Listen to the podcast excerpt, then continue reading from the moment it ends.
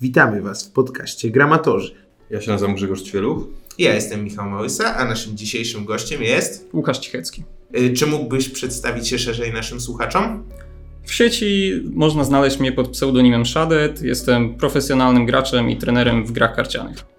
Mm, Co to znaczy, że jesteś trenerem w grach karcianych? To znaczy, że uczę ludzi, jak grać y, w gry karciane, nastawienia, o tym, jaki trzeba mieć mindset do laderowania, do grindu, problemy, jakie występują przy tworzeniu własnych talii, e, różne pomysły, no oraz po prostu jak osiągnąć mniejszy lub większy sukces. Mm, Czyli zakładam, że w karciankach da się jednak graczy wytrenować, że nie są to gry całkowicie losowe. Długo toczyły się dyskusje na temat na przykład pokera, który jest bądź co bądź protoplastą dzisiejszych gier karcianych i wielu ludzi uważa pokera za grę losową, a więc i jakby kolejne karcianki wyrosły z, y, wyrosły z tej gry. Znaczy w karciankach, a przynajmniej w większości z nich, tak samo jak w pokerze, najlepsi gracze jednak wygrywają więcej niż e, gracze mniej znani i można wymienić w każdej z tych karcianek, czy właśnie tak samo w pokerze, imiona, które się przewijają, które będzie znało większość osób, bo po prostu ktoś osiągnął bardzo dużo i to nie wynika z tego, że no to jest najszczęśliwsza osoba na świecie, ma najwięcej farta, tylko właśnie z umiejętności, które są nabyte bądź e, wyuczone. Y, Czyli nie można uznawać karcianek za gry losowe w takim stopniu jak, nie wiem, ruletkę czy inne tego typu gry. Tutaj to są gry przede wszystkim umiejętności, tak? Tak, to jest gra przede wszystkim umiejętności i zależnie od tego, jaka mechanika dobierania kart yy, i restrykcji liczby kart w deku, to zależnie od tej liczby karcianka będzie mniej lub bardziej losowa, no i zależnie od tego, jakie karty mają efekty. Powiedzmy w jednej karciance będzie zadaj losowe obrażenia od 1 do 4, a w innej będzie zadaj dwa obrażenia. Więc w jednej mamy pewny efekt, który jest mniejszy, a w drugiej mamy losowy, który zależnie właśnie od szczęścia będzie lepszy lub gorszy dla danego gracza. Jakiego typu umiejętności rozwija losowość w grach karcianych? Czy sprawia, że gra profesjonalna jest inna niż w przypadku innych gier eksportowych, np. strzelanek? Tak, w tym wypadku, w przypadku strzelanek, mamy na przykład ustalone po prostu, strzelamy w dany punkt, kula leci tam. Mamy oczywiście spray patterny zależne od każdej gry, gdzie te kule są mniej lub bardziej losowe po którymś pocisku. Natomiast e, w karciankach zawsze mamy element losowy w postaci dobierania karty. Nie wiemy, jaka karta znajduje się na górze naszej talii, jaką kartę dobierzemy. No i tak jak wcześniej wspomniane, karty z efektem losowym może być to, mogą być to różne obrażenia, mogą być to różne wyniki rzucenia zaklęć, na przykład zniszcz stwora, ulecz swojego bohatera i tak dalej. Więc y, na pewno w każdej karciance występuje element losowy i nie jest to tak na przykład jak w szachach, gdzie losowe jest powiedzmy ten, kto zaczyna tylko partię, a dalej to jest gra samych umiejętności. Więc y, karcianki starają się być grą, która jest zarówno przystępna, jak i ma być e, przystępna dla, dla każdego do rozegrania, jak i również ma być tą grą umiejętności, bo, ale też ma być fajna do oglądania, bo to są jednak gry sportowe i w grach sportowych no, liczy się także to kibicowanie, wspólne oglądanie, emocje. I im ta gra ma więcej losowości, tym najczęściej więcej takich emocji możemy doświadczyć. A jakie konkretne umiejętności musi mieć gracz, żeby poradzić sobie z tym, że to jest losowe, że czasami no, zdarzy się tak, że karta nie podejdzie i przegra się grę mimo perfekcyjnie technicznego, perfekcyjnego meczu. Są to oczywiście umiejętności kalkulacji i przewidywania. Czyli w tym momencie musimy sobie zawsze oszacować, jaką mamy szansę, że dane zagranie nam się uda. Czyli powiedzmy, mamy 20%, że będzie super, 40%, że będzie średnio i 80%, że coś nam się nie uda. Zależy po prostu, jaką kartę rzucimy i jak te decyzje będą wyglądać, bo niektóre mają kilka stopni losowości, że najpierw się dzieje jeden element losowy, potem drugi, trzeci. I gracz, który chce grać optymalnie, czyli zawsze podejmować dobrą decyzję, bazując na tym, jaką szansę będzie miał na dany wynik, na dłuższą metę powinien mieć odpowiednio dobre wyniki. Natomiast oczywiście możemy tutaj wyróżnić także styl, który będzie tak za jakby grą ryzyka, czyli wszystko na jedną kartę, bierzemy najmniejszy procent, który daje nam najlepszy wynik, no i stawiamy na niego. Jeżeli mamy szczęście, nam się to udaje, wygrywamy mecz bądź turniej, ale taką najlepszą jednak drogą, tak samo jak pokazuje poker, no jest to po prostu stabilna kalkulacja i stawianie naszych szans na najbardziej pewną opcję. Mhm. A jak twórcy najpopularniejszych obecnie karcianek adresują kwestię losowości w obrębie mechanizmów rozgrywki? Czy starają się ją ograniczać, czy może wręcz przeciwnie, tak jak na przykład ostatnio twórcy Hearthstone'a popychają tę swoją produkcję w stronę większej randomizacji? Więc praktycznie wszystkie karcianki mają ten element losowy w postaci dobierania kart. A Natomiast mechaniki kart, zależnie od karcianki, tak jak wspomniałem tutaj Hearthstone, są karty, które są naprawdę bardzo losowe i rzucenie takiej karty no to jest po prostu szczęście, tak? Czy dany gracz y, będzie miał wynik pożądany, czy nie. Co też może przesądzić o losie całego meczu, więc niezależnie jak dobrze ktoś by był przygotowany, no czasami ze szczęściem wygrać się po prostu nie da. Natomiast większość karcianek jednak stara się zmniejszyć trochę ten stopień losowości, jednak zawsze gdzieś ten element się pojawia, czy to właśnie przez dobieranie kart, czy to na przykład przez jakieś mniejsze efekty, czyli takie, które mają wpływ na sytuację na przykład na stole, no bo najczęściej właśnie te karty pojawiają się po dwóch stronach stołu. Co się wzięło też z Magic the Gathering, z papierowego, e, a nie przesądzają o rozgrywce, więc nawet jeżeli taki efekt dostaniemy negatywny, nadal możemy sobie z tym jakoś poradzić, bądź nadrobić go umiejętnościami. No właśnie, jak w przypadku karcianek losowość e, przedstawia się w obszarze mikrotransakcji. Mm, Przenosi się to również na inne gatunki. Paczki z kartami implementuje się do gier sportowych czy nawet wyścigowych. Jak z perspektywy wieloletniego gracza obserwujesz te kwestie? Jak to wygląda z perspektywy innych tytułów, różne, w sensie różnych tytułów? W karciankach mikrotransakcje tak naprawdę nie mają tak dużego znaczenia, ponieważ zdecydowana większość z nich są to gry mobilne free to play, co znaczy, że jeżeli ktoś poświęca odpowiednio dużo czasu i codziennie wykonuje swoje zadania, otrzymuje nagrody zapewnione przez twórców gry i będzie mógł stworzyć wybrane przez siebie karty. Oczywiście, jeżeli ktoś wyda pieniądze, w tym momencie kupuje sobie paczki, w których znajdują się losowe karty, może mieć szczęście, od razu dostać e, odpowiednich bohaterów, odpowiednie zaklęcia których, e, do których początkujący gracz nie będzie miał dostępu bez poświęcenia kilkunastu, kilkudziesięciu godzin gry. E, Jednak różnica ta jest zauważalna w przypadku gier, które mają klienta turniejowego, jak na przykład Shadowverse, który na swoich turniejach pozwala nawet g- świeżemu graczowi, który dopiero co pobrał grę, stworzyć talię dostępną ze wszystkich e, kart e, w historii gry. Jest tutaj zupełna dowolność, jednakże można to wykorzystać tylko na danym turnieju. Więc jeżeli pójdzie grać sobie z kolegą albo pójdzie grać rozgrywki rankingowe, tam już musi korzystać z własnej kolekcji. Natomiast na turniejach jest to pełna dowolność i to wyróżnia tą grę na tle pozostałych karcianek, gdzie gracze startując w turniejach muszą posiadać swoją kolekcję. Więc albo muszą na początku wydać pieniądze, bądź poświęcić bardzo dużo czasu. Jeżeli ktoś nie ma czasu, ciężko mu jest bardzo nadrobić osoby, które wydały pieniądze.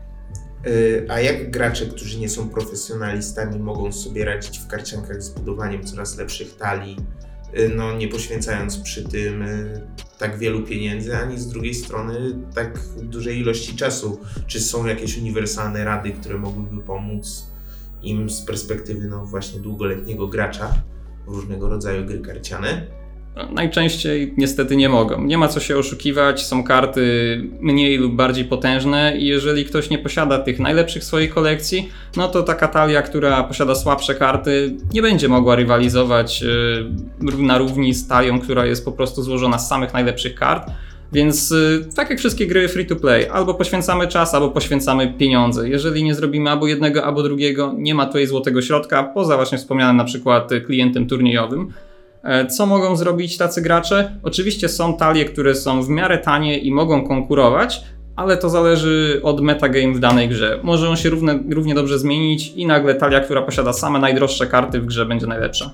A w karcianki wchodzące na rynek, jak na przykład Legends of Runeterra, są grami nastawionymi raczej na eksploatowanie tego systemu, czy w jakiś sposób ich twórcy chcą coś zmieniać, ulepszać, żeby gracze narzekający na wiele elementów z tak jak właśnie to, że muszą albo wydawać pieniądze, albo poświęcać bardzo dużo czasu, no żeby oni jednak przeszli do tych kolejnych gier. Legends of Runeterra zaprezentowało nam jak na razie bardzo innowacyjne podejście. Polega ono na tym, że levelując swoją postać, zdobywamy doświadczenie dla wybranej przez siebie jednej z sześciu frakcji i odblokowujemy karty tylko właśnie dla tej frakcji. To oznacza, że nawet jeżeli nie poświęcamy bardzo wielu godzin, możemy odblokować sobie tą jedną wymarzoną talię, którą chcemy. Oczywiście nie odblokuje nam to wszystkich pozostałych, ale jest to pewność, że jeżeli chcemy mocną talię z jednego gatunku, to nie jesteśmy skazani na losowość, że dostaniemy ze wszystkich pozostałych frakcji tylko nie z tej, której chcemy, a możemy stworzyć e, idealnie taką, jaka nam pasuje. Tak samo system e, dzikich kart, która pozwala stworzyć dowolną wybraną kartę w zamian za swego rodzaju token zdobyty podczas zadań. Także pozwala nam właśnie na, nie ogranicza naszej wolności, jeśli chodzi o budowanie talii. Nie ma tam paczek. To jest zasadnicza różnica, że w większości karcianek kupujemy losowe paczki z kartami, no i dostajemy tam 5, 6, 10, zależnie od karcianki, losowych kart, gdzie najczęściej jedna jest zagwarantowana o rzadkości rzadka lub wyżej, czyli tam epicka, legendarna, mityczna. E, W Legends of Runeterra takich paczek nie ma, po prostu kupujemy sobie tokeny, które wymieniamy na wybrane karty. A czy masz może porównanie wszystkich tych systemów z karciankami tradycyjnymi, jak e, Magic the Gathering, czy nawet starszy Kult, czy Doom Trooper, albo Dark Eden, spokrewniony? Tam gracze budowali kolekcje, sprzedając je po latach za grube tysiące, czy nawet dziesiątki tysięcy. Sprzedaż konta jest tymczasem w większości gier online zabroniona, no i raczej robi się to nielegalnie. Jak najbardziej. Sprzedaż konta w większości gier jest nielegalna. Gracze próbują to obejść, sprzedając niby swój czas, sprzedając niby kolekcje. E, Nie jest to w pełni coś, co da się jakby temu zapobiec. Oczywiście są dane osobowe, na które się rejestruje konto, no ale taki, taka szara strefa, czarny rynek gdzieś tam zawsze będzie istniał. Ale to tylko do pewnego momentu. To jest coś dla graczy, którzy chcą po prostu się grą pobawić, pograć ra- rozgrywki rankingowe. Natomiast jeśli ktoś chce grać profesjonalnie na turniejach, to takie konta są oczywiście weryfikowane, więc jeżeli ktoś gra na swoich nieprawdziwych danych, no to może się z kontem albo z turniejem po prostu pożegnać. E, W przypadku Magica karty i kolekcje miały swoją wartość, dlatego że są to karty papierowe, fizyczne i zawsze będą miały taką wartość też kolekcjonerską. Są ludzie, którzy w Magicu zbierali karty ze smokami, z aniołami, z wróżkami, e, ponieważ te karty mają też bardzo ładne obrazki, a na przykład e, karcianki komputerowe niektóre mają dość ograniczone arty swoich kart i nie wszystkie wyglądają tak dobrze. Czasami to są po prostu jakieś prace freelancerskie albo za wiadomo wpis do portfolio. E, Więc w Magicu te karty mają też swoją wartość, ponieważ e, nawet te najstarsze karty z najstarszych formatów są wciąż grane, są wciąż organizowane turnieje i gracze mają możliwość rozgrywki tymi taliami. W większości karcianek komputerowych są to jednak dość młode tytuły, gdzie w przypadku Magica mówimy tutaj o ponad 25 latach. Karcianki komputerowe to zwykle 3-4 lata, zależy od tytułu. Więc po pierwsze są dość młode i gracze niechętnie albo w bardzo małym stopniu grają w formaty starsze. Wszyscy są nastawieni na formaty najnowsze, w których obowiązuje kilka najnowszych dodatków. A jeśli moglibyśmy jeszcze wrócić do tematu, który poruszyliśmy na samym początku i który wydał mi się taki bardzo interesujący, a mianowicie temat coachingu, tego jak to jest być trenerem. Kto w ogóle chce być trenowany w karcianki? Najczęściej są to osoby, które nie mają, a czy inaczej. E, Rzeczy, których można nauczyć osoby, są dostępne najczęściej w internecie. Tylko teraz tak, nie wszyscy mają czas, żeby czytać setki artykułów, oglądać kilkanaście filmików, bo na przykład mają pracę, żonę, dzieci. E, Są to najczęściej właśnie osoby pracujące. I na przykład ktoś chce sobie, chce po prostu być lepszy w karciankę, nie chce tracić czasu na to wszystko, albo po prostu go nie ma, natomiast ma pieniądze. Jeżeli ma pieniądze, to ktoś może przekazać taką wiedzę skondensowaną w pigułce, pokierować go co i jak, jakie będą jakby najszybsze ścieżki dojścia do wymarzonego przez niego celu, czyli na przykład osiągnięcia legendy w Hearthstone, czy e, miejsca turniejowego w danej karciance. Mhm. E, Jakie zazwyczaj są efekty takiej gry? Czy ty widzisz, że na przykład ktoś y, no, nie jest zbyt dobrym graczem y, i jest oporny na wiedzę, czy przeważnie są to jakieś na tyle proste mechanizmy, że jesteś w stanie tę wiedzę przekazać i faktycznie znacząco poprawić czyjąś, czyjąś, y, czyjeś zdolności? Do każdej osoby trzeba podejść indywidualnie, żeby rozwiązać jej konkretne problemy. Każdy się uczy swoim tokiem i posiada inne umiejętności, czyli jeden będzie szybciej kojarzył fakty matematyczne, inny będzie lepiej liczył procenty, a jeszcze inny będzie miał na przykład fantazję, bo będzie chciał grać swoją talią i będzie odmawiał na przykład grania tymi najlepszymi. To jest w tym wypadku błąd w mindsetie, bo zawsze trzeba grać talią, która maksymalizuje nasze szanse na zwycięstwo, bądź y, pozwala nam konkurować z tymi najlepszymi e, taliami, czyli taka jakby antymeta. Więc y, problemy są różne. Są problemy z mindsetem, są problemy z matematyką, są problemy z brakiem agresji, są problemy z nadmierną defensywą, czyli kiedy nie chcemy atakować przeciwnika, kiedy chcemy się bronić. Czasami trzeba po prostu zrobić krok w przód, nie można cały czas się bronić w kartach, trzeba zaryzykować. Jednak to ryzyko jest nieodłącznym elementem rozgrywki i właśnie to kalkulacja, kiedy je podjąć i kiedy da nam najlepszy efekt, y, jest częścią jakby procesu nauki. I kiedy osoba zacznie sama rozgrywać, bo to jest najważniejsze. To nie jest tak, że nagle w godzinę ktoś dostanie magiczną wiedzę i już będzie wymiatał. To jest po prostu dostaje ktoś wiedzę, ale potem musi ją trenować, musi ją wykorzystać, musi rozgrywać sam, dojść do odpowiednich wniosków i potem dopiero będą widoczne efekty takiej nauki. A z y, grania samego w karcianki da się w Polsce, no powiedzmy w Polsce, y, utrzymać, czy raczej właśnie wykonywanie takich dodatkowych prac, jak właśnie trenowanie innych graczy, pisanie artykułów jest nieodzowne, żeby to wszystko jakoś się kręciło i żebyś mógł się tym zajmować profesjonalnie na co dzień? Karcianki zawsze były tą jakby drugą, czy powiedzmy drugim czy trzecim tajerem we sportach, jeśli chodzi o zarobek. Po prostu są niżej niż najpopularniejsze Counter-Strike czy League of Legends. E, Co za tym idzie, gracze karcianek zarabiają oczywiście o wiele mniej, czy to na turniejach, czy za artykuły, za filmiki. Taki zarobek e, jest naprawdę niewielki, więc jeżeli ktoś chciałby za to wyżyć, to musi po prostu być e, streamerem, influencerem bądź content kreatorem, który niekoniecznie skupia się na karciankach, a są jakby dla niego tylko dodatkiem. Jeżeli ktoś chciałby wyżyć e, z grania tylko po prostu, z samego grania w karcianki, to musiałaby być to osoba naprawdę świetna, wygrywać masę eventów, bądź po prostu wygrywać kilka tych najważniejszych, gdyż zarobki no, nie są tutaj ogromne.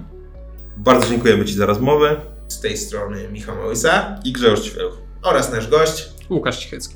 Dziękujemy serdecznie wszystkim słuchaczom. Do usłyszenia.